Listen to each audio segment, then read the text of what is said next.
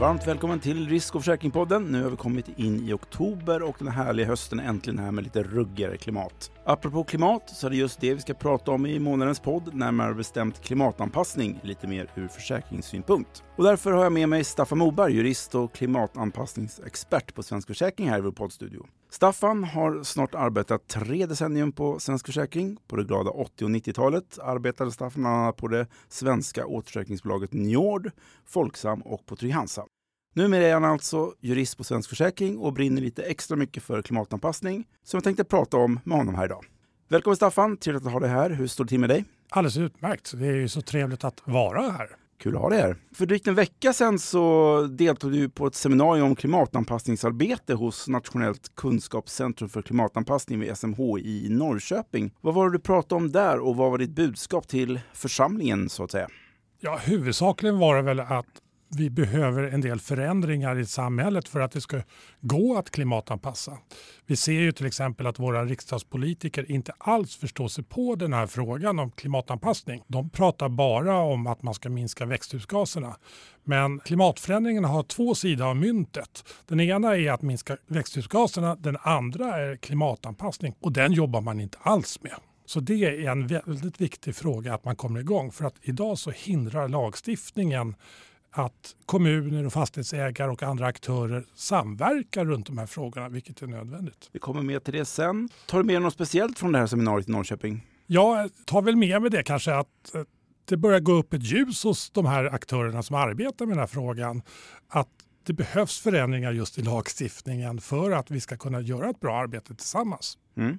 Det var några forskare, bland annat från KTH, som uttalade sig i veckan om klimatpåverkan och om arbete mot klimatrelaterade skador. De framhåller att det går långsamt med åtgärderna att skydda samhället mot effekterna av klimatförändringar och många kommuner upplever att klimatanpassningarna strider mot ekonomiska intressen. Är det en verklighetsbild som du håller med om när det gäller klimatanpassningsarbete?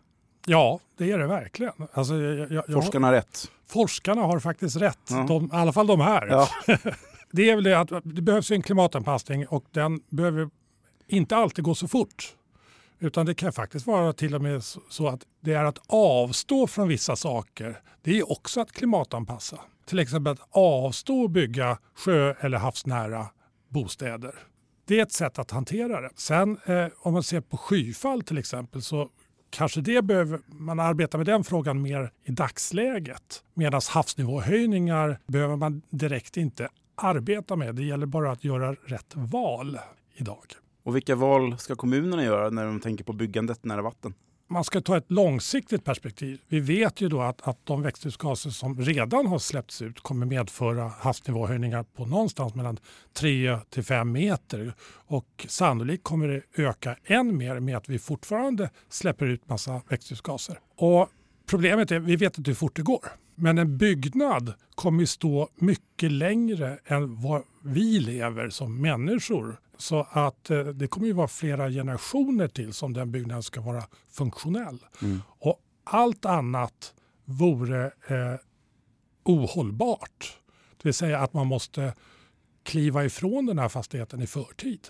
Vad är det viktigaste på agendan för Svensk Försäkring när det gäller klimatanpassning från branschens håll? Vilka är försäkringsbranschens hjärtefrågor angående detta?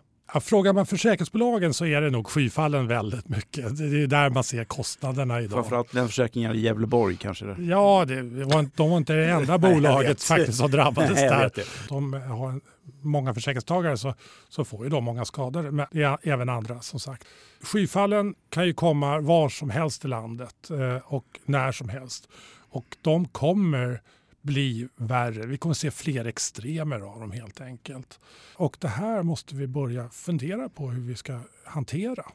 Å andra sidan är det ju så, det är just extremerna vi ska försäkra. Det är inte de här alldagliga skadorna däremot. Så att det kommer ett kraftigare regn och, och, och så svämmar det över i fastigheten. Det eh, måste hanteras på något sätt och förebyggas helt enkelt. För att, eh, då blir det inte längre fråga om en plötsligt oförutsedd skada, vilket är ett kriterium för att kunna försäkra. Hur går det att hantera extremer för ett försäkringsbolag? Vad är att tänka på. Extrem är inte så mycket för försäkringsbolagen kanske. Mer ha personella resurser då att sätta in och, och reglera de här skadorna och att, att få dit personal då som kan eh, återställa fastigheterna som har skadats. Men det är ju mer enskilda fastighetsägaren och kommunen som behöver göra det själva klimatanpassningsarbetet. Lite allas ansvar kan man säga. Absolut. Mm. Du pratade lite här om att eh, från regeringshåll så bryr de sig mer om klimatutsläppen, klimatanpassning. Men i augusti i år så gick eh, regeringen ut med att de arbetar med att stärka klimatberedskapen och anpassning till ett förändrat klimat på flera sätt. Bland annat genom en övergripande strategi för klimatanpassning och genom riktad finansiering för klimatanpassning.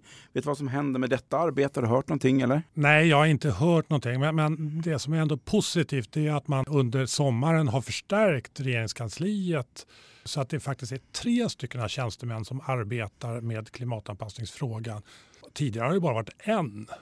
Och det visar ju lite på hur lågt den statusen har varit i den rödgröna politiken. Där har vi kanske inte heller några större förhoppningar om att den nya regeringen kommer eh, stå längre fram på barrikaderna. Det låter mörkt. Ja, det är lite sorgligt faktiskt att, att det här är en fråga som ligger allt för långt ifrån riksdagspolitikerna. Däremot kommunpolitikerna ligger betydligt närmare. Ja. Har du någon önskelista till den nya ansvariga ministern och den nya regeringen angående klimatanpassningsfrågor? Ja, man ska ju ta fram en ny klimatanpassningsplan och det är väl därför man kanske har anställt de här eh, tjänstemännen. Då. Och den är tänkt att komma under nästa år, sannolikt i slutet av nästa år. Vad jag ser framför mig är att vi behöver tillsätta en utredning som tittar just på frågan om ansvar och finansiering. Hur ska man kunna arbeta tillsammans mellan kommuner, fastighetsägare och kanske staten också behöver bidra med vissa delar för att vi ska kunna bedriva ett bra klimatanpassningsarbete.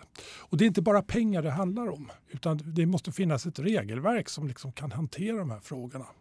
Upplever du att Svensk Försäkring som branschorganisation har en stark röst hos beslutsfattarna när det gäller klimatanpassning i Sverige? Lyssnar de på era åsikter?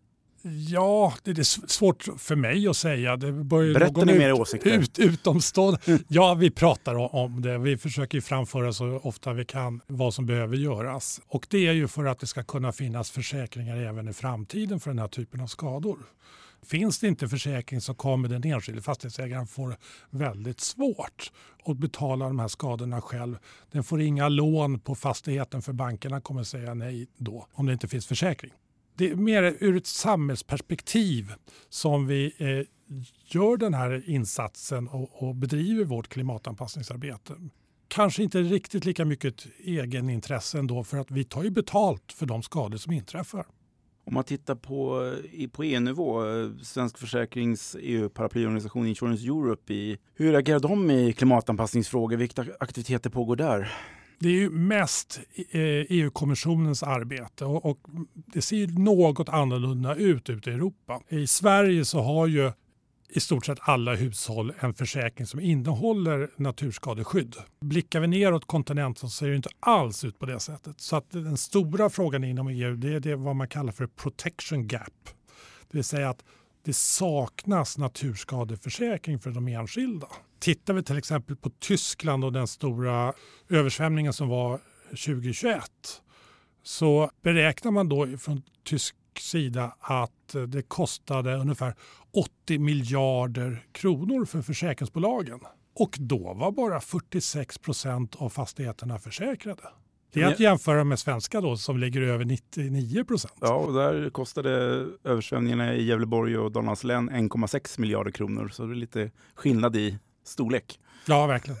Men just om lagstiftning som du pratade om. Eh, behövs det en lagstiftning om klimatanpassning för att inte stå inför en framtid där bostäder blir svåra att försäkra? Ja, det är olika lagar som man behöver gå in i och ändra. Vi har till exempel eh, i kommunallagen så finns likställighetsprincipen som eh, gör det omöjligt för kommunerna att samverka med enskilda fastighetsägare att vidta åtgärder. Det måste ju på något sätt ändras. Vi har lagen om vattentjänster där man inte får använda VA-taxan till annat än själva VA-systemet. Men i framtiden behöver man ju leda undan skyfallen ytledes istället över gatan. Så att det vore jättebra om man kunde använda VA-taxan till att bygga om gata och, och parkmark och så, för att ta hand just om skyfallen. Det här är några exempel på, på vad som behöver ändras. Det, det finns annat också. Mm. Kan vi förvänta oss höjda premier för strandnära boende i framtiden än vad det varit historiskt sett? Ja, alltså de fastigheter som drabbas av översvämningar, de riskerar ju få en högre premie då om det inte vidtas åtgärder. Så försäkringsbolagen tittar ju på historisk material när man sätter sin premie. Då är det självklart att det påverkar. Jätteintressant Staffan. Jag tackar dig för att du ville vara med och Risk försäkringspodden här. Tack, trevligt att vara med. Jag vill även säga tack till er som lyssnat. Nästa podd med en ny spännande gäst hör ni igen om några veckor. Ha det bra tills dess. Producent för Risk och försäkringspodden är som vanligt Julia Siverts. Tack!